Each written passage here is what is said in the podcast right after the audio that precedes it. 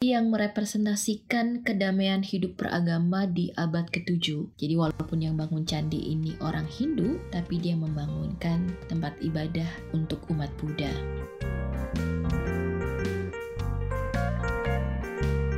Hai, selamat datang kembali di podcast Teman Jalan bersama dengan saya Puji. Kita akan meneruskan lagi cerita tentang Yogyakarta. Kalau di episode sebelumnya kita berbicara tentang alasan kenapa saya memilih kuliah di Jogja, kemudian kita juga sekilas melihat kota Jogja, Malioboro, Keraton, nongkrong di alun-alun Kidul, ke Museum Ulun Sentalu. Kita mencoba juga kuliner-kuliner yang lagi hits di sana juga. Yogyakarta, situs-situs budayanya selain ada keraton dan museum juga ada candi, salah satunya adalah Candi Prambanan, yang ada di perbatasan antara Yogyakarta dan Jawa Tengah. Untuk menuju ke Candi Prambanan, kalau dari Yogyakarta, gampangnya sih dari halte yang ada di Malioboro, naik Trans Jogja rute 1A ke halte Prambanan. Nah dari situ kita tinggal nyebrang ke seberangnya ada Candi Prambanan. Candi Prambanan ini buka setiap hari dari jam 6 sampai jam 17. Kemudian juga ada apa sih di sana? Candi Prambanan ini adalah candi Hindu. Ceritanya adalah tentang Roro Jonggrang, seorang putri yang cantik yang kemudian seorang pangeran bernama Bandung Bondowoso tertarik nih untuk melamarnya. Nah, dalam semalam itu si Bandung Bondowoso ini harus bisa membuat seribu candi seperti yang disyaratkan oleh Roro Jonggrang. Sayangnya dengan berbagai cara Roro Jonggrang ini membatalkan perjanjian itu. Jadi ayam berkokok lebih awal sebagai tanda hari sudah pagi padahal seribu candinya belum selesai. Nah di sana nih ada ada juga patung Roro Jonggrang di salah satu apa kita menyebutnya ya stupa ya di salah satu stupanya ada di situ Roro Jonggrang. Jadi kalau dari bentuknya yang diajarkan di sekolah-sekolah itu candi yang ke atas dan langsing, jadi tinggi langsing gitu dari jauh kita melihatnya seperti itu itu biasanya adalah tipikal candi Hindu di Indonesia. Di sana kamu bisa masuk dengan harga tiketnya 25.000 sampai 50.000. 50.000 ini untuk 10 tahun ke atas, umurnya kalau untuk yang usia 3 sampai 10 tahun 25.000. Selanjutnya kalau dari Candi Prambanan ini ada Sindratari Ramayana, cuma saya belum pernah melihatnya. Selain itu juga ada paket terusan ke Ratu Boko, Candi Ratu Boko. Candi Ratu Boko ini lokasi syutingnya Ada Apa Dengan Cinta seri 2. Nah, dari Candi Prambanan ini biasanya ditawarin gitu tiket terusannya. Nanti akan kita bisa naik semacam shuttle bus gitu dari Taman Wisata Candi atau TWC-nya Candi Prambanan ke Candi Ratu Boko. Hanya saja sekarang ini lagi pandemi, jadi tiket terusan ini sepertinya belum dijual lagi. Jadi di era new normal ini, tiket untuk terusannya masih belum diumumkan kapan bisa dibeli lagi. Candi Ratu Boko ini cakepnya kalau kita ke sana kalau sore senja karena di situ ada semacam kayak gerbang gitu yang pas banget menangkap cahaya matahari terbenam. Jadi biasanya orang ke sana tuh sambil foto-foto saat senja atau saat sunset gitu. Nah kalau hari normal atau sebelum ada pandemi ini, tiket terusan ke Candi Prambanan dan Istana Ratu Boko ini bisa dibeli dengan harga Rp45.000. Selanjutnya, ada candi yang tidak kalah terkenal ya, yang gak jauh dari Jogja. Dia dikenal sebagai salah satu tujuh keajaiban dunia yang lama. Ada Candi Borobudur di sana. Candi Borobudur ini adalah candi agama Buddha. Dari bentuknya ya, dari bentuknya yang agak bulat ya, dan penuh dengan stupa, dan memang kita melihat Candi Borobudur ini sambil mikir ini gimana bangunnya zaman dulu ya. Nggak pakai semen, batu kali aja tapi bisa sampai ratusan bahkan ribuan tahun dia bisa bertahan. Nah hal yang unik tentang Candi Borobudur ini, dia juga terkenal di mancanegara. Misalnya ketika saya berkunjung ke Angkor Wat, yang kalau secara bentuk bangunan sih sebenarnya Angkor Wat ini lebih mirip ke candi Prambanan. Jadi kita akan berpikir bahwa dia sebenarnya adalah candi Hindu, candi agama Hindu, tapi ternyata Angkor Wat ini yang ada di Kamboja adalah candi agama Buddha. Itu sebabnya kaitan antara Borobudur dan candi yang ada di Angkor Wat ini erat banget karena mungkin pada zaman itu kalau dilihat fisik orang Indonesia sebenarnya dengan fisik orang Kamboja kalau dia berasal dari keturunan kerajaan Champa menurut gayetnya ya itu memang wajahnya mirip kita yang orang Indonesia ini. Jadi ada dua kita menyebutnya kalau misalnya kalau di sini keturunan Tionghoa, di sana juga ada juga yang berwajah seperti keturunan Tionghoa dan satu lagi yang wajahnya seperti ya kayak kita aja yang biasa yang berkulit coklat, bermata agak lebar dan mirip banget dengan orang Indonesia itu sebabnya pas saya jalan-jalan ke sana saya bertanya sama yang jualan souvenir karena biasanya kalau di negara lain saya jalan atau di tempat wisata yang lain gitu saya akan diikuti oleh penjual souvenir nah kalau di Kamboja terutama di Angkor Wat ini penjual souvenirnya ini kebanyakan anak-anak kecil. Jadi yang pandai bahasa Inggris itu justru anak-anaknya. Orang tuanya biasanya akan nyuruh anak-anaknya untuk menerjemahkan kalau kita mau beli di situ. Nah pas saya nanya ke anak-anak ini kok gak ada yang ngikutin saya gitu kan. Kata mereka, ya karena saya mirip orang Kamboja. Kebetulan saya memang tidak menggunakan jilbab yang segi empat yang pada umumnya. Jadi saya menggunakan semacam topi untuk menutupi kepala saya. Nah Angkor Wat sendiri ini ada beberapa spot yang masih menjadi tempat ibadahnya, ada beberapa tempat yang memang masih dijadikan sebagai tempat ibadahnya, tapi ada juga yang memang turis boleh berkunjung bebas atau karena memang sudah tidak dipergunakan lagi untuk tempat ibadah. Karena di sana juga sebenarnya bukan hanya untuk ritual ibadah, tapi juga ada seperti bangunan perpustakaan. Jadi kalau kita melihat Angkor Wat ini semacam kayak istana gitu ya ada spot untuk perpustakaan, kemudian ada sudut untuk beribadah seperti itu. Nah, aturannya sebenarnya kalau masuk ke salah satu bangunan yang masih dipergunakan sebagai tempat sembayangnya, kita juga harus mengikuti aturannya. Artinya berpakaian yang dengkul ketutup. Biasanya untuk perempuan dengkul harus ketutup. Laki-laki juga nggak boleh pakai celana pendek ya. Kemudian kalau perempuan laki-laki juga nggak boleh pakai topi. Nah waktu itu kebetulan saya menggantikan jilbab yang biasanya dari segi empat itu dengan semacam topi rajut jadi saya pun dianggap sebagai memakai topi. Lalu ketika saya bilang saya tidak bisa melepas topi ini, dia nanya petugasnya, "Are you a Muslim?" Pas saya jawab iya, akhirnya saya diizinkan juga untuk masuk ke wilayah yang sudah menjadi salah satu tempat untuk ibadahnya. Angkor Wat ini secara bangunan mirip dengan Candi Prambanan tapi fungsinya dia menjadi candi untuk umat Buddha. Padahal kalau candi Prambanan dengan bentuk khasnya ini merupakan candi Hindu. Jadi Angkor Wat ini dibangun di abad ke-12 oleh Raja Surya Warman II. Nama ini juga kayak familiar banget ya di Indonesia di cerita-cerita zaman kerajaan masa Hindu Buddha dulu.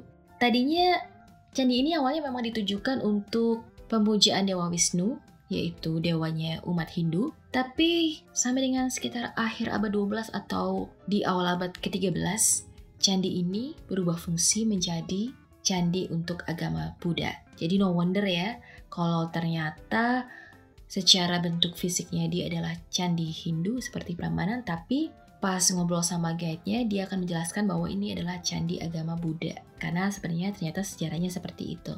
Konservator dari di Angkor Wat ini bukan hanya candinya mungkin, tapi bangunan kompleks Angkor Wat ini juga sama dengan konservator yang pernah melakukan konservasi di Borobudur itu kata guide-nya. Hal yang menarik di Angkor Wat sebenarnya ada juga sih ditawarkan sama dengan kayak di Borobudur seperti sunrise ya. Nah saya sendiri belum pernah nyobain sunrise di Borobudur. Kebetulan waktu itu karena jauh-jauh udah ke Angkor Wat, jadi saya juga janjian dengan supir tuk-tuknya untuk menyebut saya pagi-pagi banget bersama dengan dua traveler lainnya. Jadi saya bersama dua traveler Kanada yang baru ketemu di jalan pas dari Vietnam Kamboja itu kami sepakat untuk udah kita cost sharing aja untuk biaya tuk-tuk keesokan harinya. Bukan esok banget sih, ini bener-bener kayak menjelang subuh ya. Jadi jam 4 gitu kami bertiga dijemput supir tuk-tuk dan menuju ke Angkor Wat. Sedihnya adalah saat itu hujan cukup deras jadi kita masih berharap juga bahwa ada matahari. Tapi ternyata hujannya awet banget. Akhirnya saya tidak dapet sunrise-nya. Begitupun pas mau sunset, mengejar lagi ke atas bukit di tempat yang berbeda masih di kompleksnya Angkor Wat. Tiba-tiba dari yang sepanjang siang udah nggak hujan lagi, udah terang, udah optimis banget ya bakalan bisa melihat sunset di sana. Tahu-tahu hujan deras banget, lebih deras dari hujan paginya. Jadi ya hari itu saya tidak berhasil untuk melihat baik sunrise maupun sunset di Angkor Wat. Mungkin lain kali ya, semoga lebih beruntung dan mungkin memang harus dipertimbangkan kalau ingin melihat momen seperti itu nggak datang pada saat musim hujan. Kembali ke Borobudur.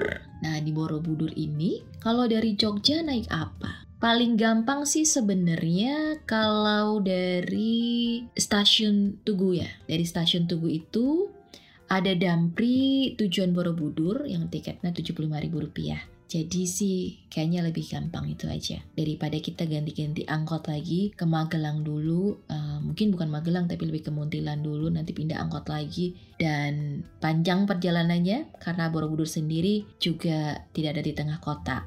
Hal yang saya impikan untuk saya saksikan di Borobudur sebenarnya adalah Waisak. Hari Raya Trisuti Waisak adalah hari raya umat Buddha yang biasanya setiap tahun dirayakan di Borobudur. Perayanya juga ada di Borobudur, ada seremoninya dan orang-orang selain umat Buddha boleh untuk ikut di sana. Cuma ya karena kita bukan umat Buddha sih bisa mungkin kita tidak mengganggu jalannya upacara. Jadi karena sudah lama banget saya pengen ikut prosesi Waisak setidaknya saya ikut detik-detik Waisaknya yang ada acara prosesi pelepasan seribu lampion malam hari jadi kalau detik-detik Waisak ini setiap tahunnya berbeda. Kalau kita mau menyaksikan itu, kita harus lihat jadwalnya juga, tahun yang sama, detik-detik itu jatuh di tanggal berapa, jam berapa. Selama kuliah sih saya belum punya kesempatan untuk ikut prosesi ini. Kebetulan setelah kerja dan ada kesempatan bersama teman-teman saya, saya balik ke Borobudur menggunakan kereta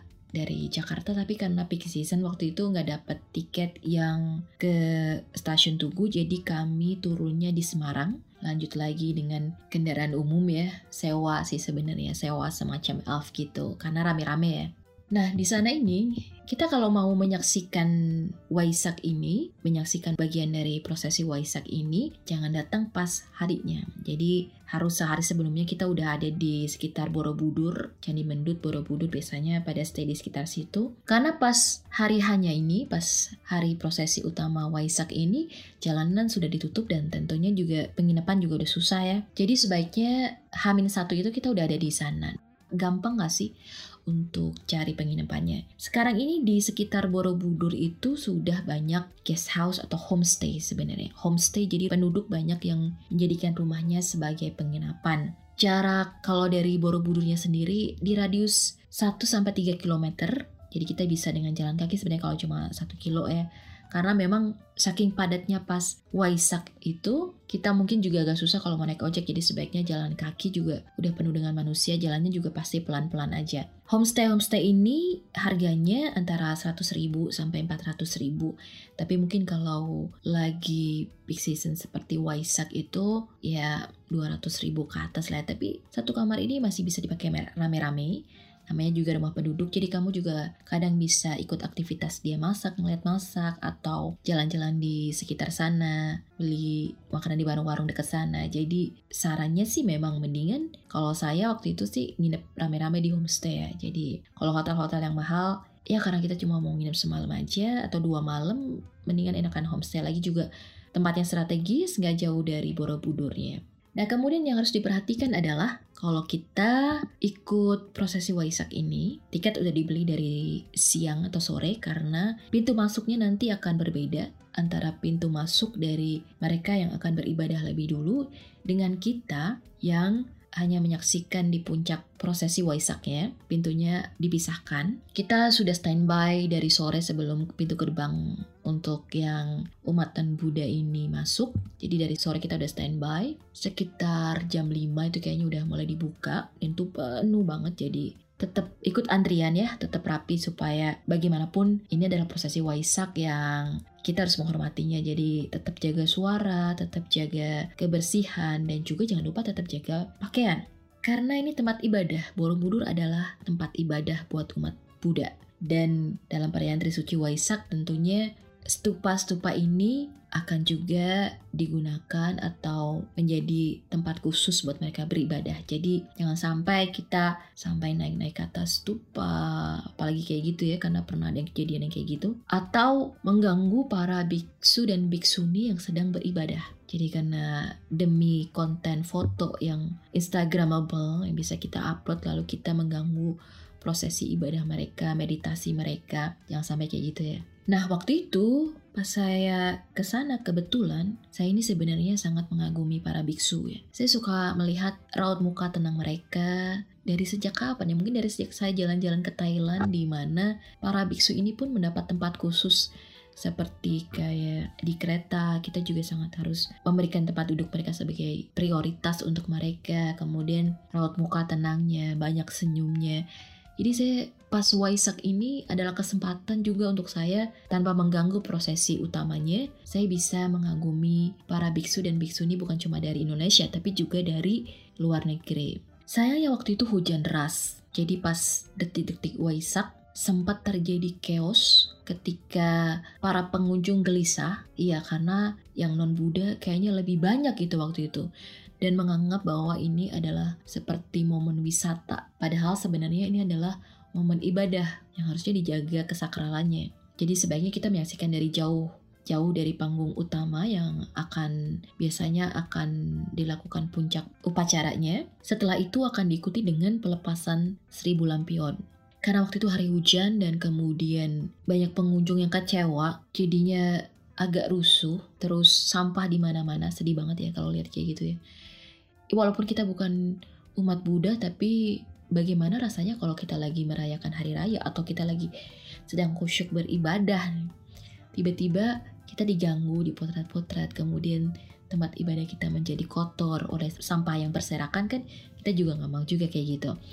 Nah untuk itu kalau kita menyaksikan prosesi waisak jaga sikap jaga baju jaga suara dan siap-siap juga bawa payung atau jas hujan. Kemudian juga Jangan sampai mengganggu meditasi atau prosesi ibadahnya. Kemudian ke penginapan yang homestay ini, kita nyarinya di mana? Bisa nyari di mana sih homestay ini? Ada banyak beberapa situs yang bisa kamu datengin untuk bisa dapat penginapan murahnya. Dan karena kita tahu bahwa ini adalah peak season, kalau kamu masih pengen kebagian homestay yang harganya miring, kamu bisa browsing di kampunghomestayborobudur.com, kemudian di booking.com, di agoda.com, dan juga di traveloka.com. Dari Candi Borobudur kita balik lagi ke Jogja besokannya, karena kita tentunya malam itu juga akan menginap di Borobudur. Semalam aja aja, sebenarnya biasanya dulu waktu itu semalam sih ya.